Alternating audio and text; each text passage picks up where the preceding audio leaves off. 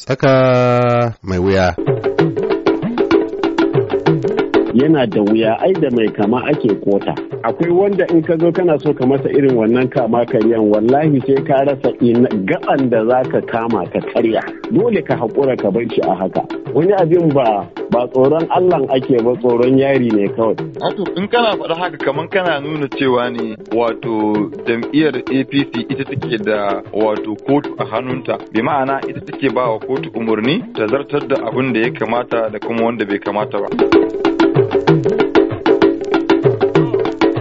Jama'a barkanku da wannan lokaci barkamu da saduwa da ku a wani sabon shiri na tsaka mai wuya muna fata kuna nan kalau kamar yadda muke a nan Washington.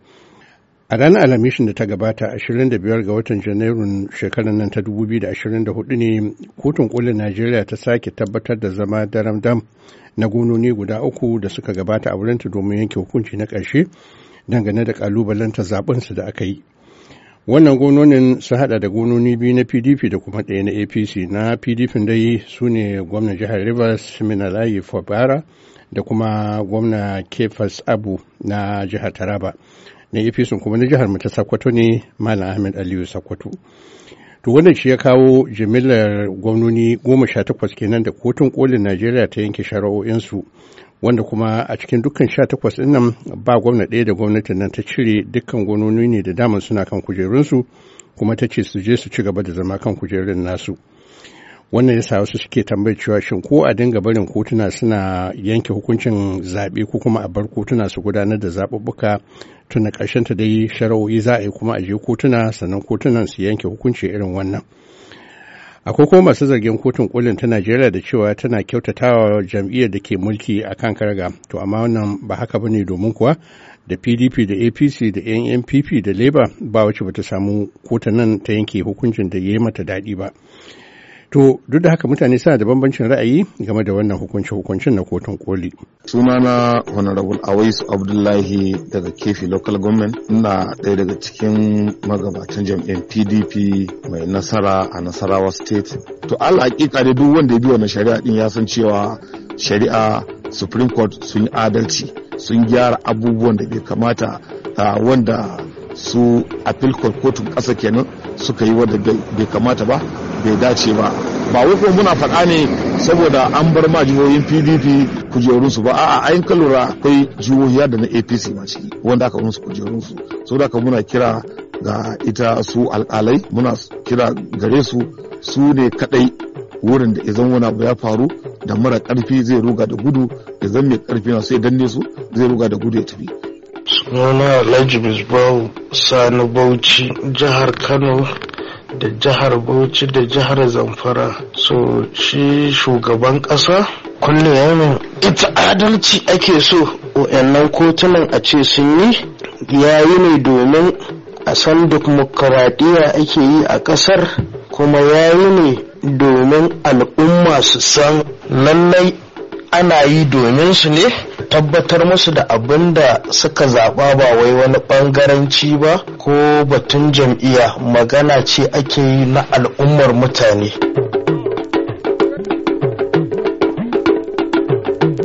haka ne to za ku ji irin wannan musaya ko kuma bambancin ra'ayi a cikin muhawarar mu wacce ci gaba ce daga wacce muka fara ji a tsakanin lauyoyi guda biyu ɗaya na ɓangaren apc ɗaya na ɓangaren pdp na ɓangaren pdp shine barista dahiru abdulhamid wanda shine ya tsawa gwamnan jihar bauchi bala muhammad a shari'a da aka yi a can kotun koli din na apc kuma shine barista yusuf sallau mutum biyu daga jihar taraba. Wakilin na abuja nasiru adamu kaya shine haɗa hancin suri ɗaya domin wannan muhawara. Yawa to bari mu koma wajen barista yusuf sallau mutum biyu. Dama misalin da na so na kawa barista dahiru abdulhamid a dubu biyu da goma sha tara a jihar zamfara an samu irin wannan matsalar da ta sa amma shi sanata kabiru marafa dan apc ya shigar da kara aka je kotun koli da ya sa gaba ɗaya aka kwabar da jam'iyyar apc pdp ta yi mulki a lokacin.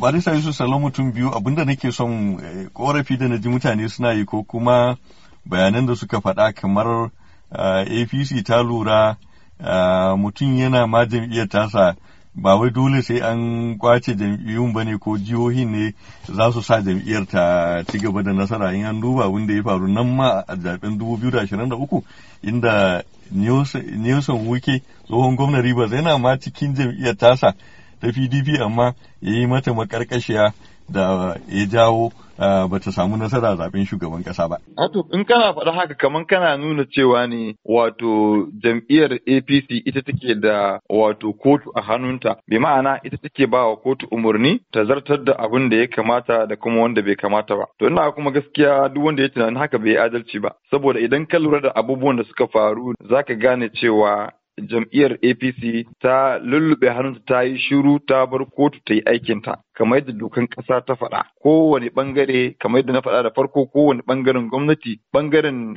shari'a ta yi abin da ya kamata gwargwadon ilimin su gwargwadon abin da dokan ƙasa ta ba su dama. Wannan kuma shi abin da ya yawa a yau. Yusuf Salo mutum biyu abin da in haka ne ya akwai abin da ka faɗa kace APC ta bar kotu. Wato inda ta ga dama ba za ta bar ta ba kenan. Ta bar kotu kamar yaya? Eh ta bar kotu ta yi aikin ta matsayin ta matsayin kotu ko sashen shari'a mai zaman kansa ko in ka duba abin da ke faruwa da a Najeriya a baya wanda jam'iyyar PDP ta yi ruwa ta yi tsaki kuma ta yi fice ta yi suna a irin wannan gwagwarmaya da irin wannan kama karya wanda duk kowa ya sani a shekarun baya ba tare da na kira suran gwamnati ne ta shuɗe ba.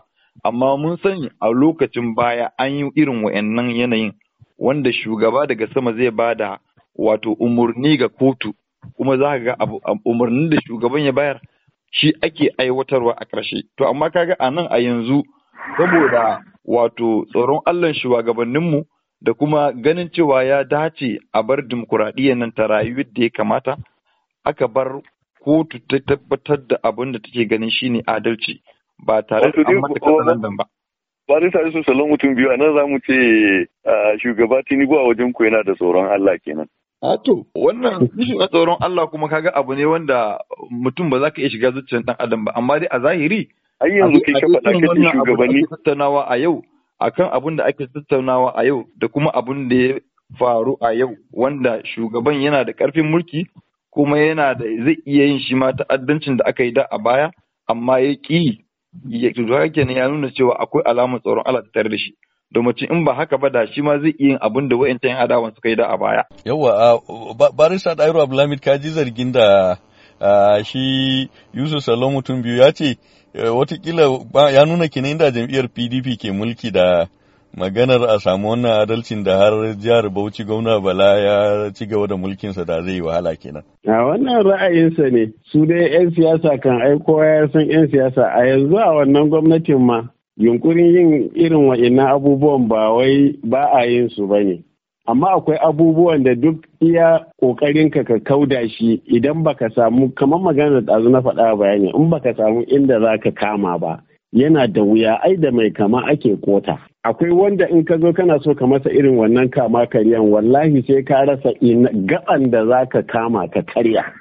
Dole ka haƙura ka bar shi a haka. Wani abin ba ba tsoron Allah ake ba tsoron yari ne kawai. Ni a gani na saboda haka doka ne idan idan kace za ka yi katsalandan wa doka karara a fili to gaskiya yana haifar da abubuwa masu illa da yawa. Wanda kai kanka in kana jin ka dan kana mulki ne za ka yi irin wannan kama karyan to ƙarshe sai ka waye gari mulkin ba zai yiwu ba. Saboda da kake mulkan su ai sai ka ka kamanta za su yadda kai shugabansu ne su baka haɗin kai a cikin komai a tafi tare a tsira tare ko ba haka ba ne. Yawwa to, a nan barista Ɗairu Abdulhamid bari ma mu shiga jihohin nan wayanda aka riga aka yanke hukuncin su akalla mu yi misali da kamar jihohi uku haka bari mu fara da shi barista Yusuf Sallau mutum biyu. Uh, barista Yusuf Sallau yi mana bayani uh, kamar jihar Bauchi inda shi ɗan takaranku uh, Air Marshal Sadiku Abubakar ya tsaya takara menene ya sa kuka dage sai da kuka kai har ƙarshen wannan shari'ar? Hato, ai duk lokacin da kake ganin cewa haƙƙi naka ne kuma kana tunanin cewa an ƙwace maka wannan haƙƙin da ƙarfi aka danne ka aka ƙwace, to lalle kuma ya kamata ka bi duk wata hanya da ya kamata ka ƙwace wannan haƙƙin naka. don haka tsurran farko da aka ayyana shi wato gwamna bala abdulkadir a su 'yan jam'iyyar apc musamman shi ya marshal ya ga cewa an danne mai haƙƙinsa ne saboda yana ganin cewa shi ya kamata a ce an ayyana a matsayin wanda ya ci wannan zaɓe. Lura da irin jama'an da yake da shi da karɓuwa da yake da shi a jihar Bauchi lura da yadda jam'iyyar PDP ta ruguje a jihar Bauchi ta samu matsala ta kowane ɓangare to a zahiri kowa yana ganin kamar lalle haka in ne ya kamata a ce an ayyana. To tunda ko ba ayyana shi ba kaga bai yi laifi ba tunda doka ta ba shi dama ya nemi haƙƙinsa a kotu. To ya je kotun farko ya je kuma har kotu na ƙarshe. Amma a ƙarshe dai kaga yadda abu ya kasance. Don haka dole ne yana da haƙƙi ya bi haƙƙinsa ya karɓi haƙƙinsa kamar yadda yake tunanin cewa shi ya ci wannan zaɓen. Wato dai babban abu lura da kace kamar PDP ce ta wargaje shi yasa APC ya kamata ta, ta, dawo ta ci gaba da mulki a jihar Bauchi kenan. Eh to kusan haka in ne saboda an ka lura da irin yadda suka tafi da gwamnatin su lallai akwai alamomin tambayoyi wanda da yawa ba su gamsu da yadda ake gudanar da gwamnatin ba. Kuma an ka duba wato aƙidojinsu na PDP to nan ma abun tambaya ne in ka haɗa shi kai kace za ka kwatanta shi da irin aƙidojin da jam'iyyar APC take tafiya da shi. Za ga cewa lallai akwai buƙatar a sauya wannan tafiya da ake yi. Eh bari a ƙarshe in Allah da za mu zo magana aƙidu za mu rufe da aƙidojin jam'iyyar APC da ko aƙidar APC da PDP ko adawa. Barista Dairu Abdulhamid eh, ka ji abin da shi Yusuf Sallo mutum biyu ya ce ga dalilan da ya sa aka maka shi sanata Bala Kaura a kotu. To, wannan dalilai kamar na ra'ayi kenan yake faɗa ba na shari'a ba, saboda ban ya faɗi ko ga wasu abubuwan da aka aikata na laifin zaɓe wanda za a ce zaɓen shi mai girma gwamnan Bauchi ɗin nan ba halattacciya ba ne duk ban ya kawo ko da misalin abu guda ɗaya ba. Sai ra'ayi na jama'a yana ganin kamar jam'iyyar PDP ɗin akwai abubuwan da ya kamata su yi jama'a su so su ko wasu abubuwa. Wanda mu alal hakika zahiri da yake ko shi ba dan baucin ba ne duk wanda yake bauchi ya sani cewa irin ci gaban da yanzu aka samu a wannan gwamnatin a baya ba a samu ba. Babu gwamnan da ya taba zuwa cikin ɗan kankanin lokaci ya canza jihar bauchi da hanyoyi da makaranti aka gyara su da komi da komai a cikin ɗan kankanin lokaci irin mai girma gwamnan bauchi ne yanzu. Bari a gurguje mu, eh, ko da ke ba ayyuka ma za mu lissafa ba, akwai maganar rikice-rikice ne. Ya ce jam'iyyar PDP ta kamar ta mutu ne ma a jihar Bauchi, ya sa ba ta da wani tasiri kenan. To ta mutu har aka zo aka yi zaɓe, aka zaɓe ta kuma ta ci zaɓen nan aka dinga shari'a tun daga tribunal har court of appeal har supreme court.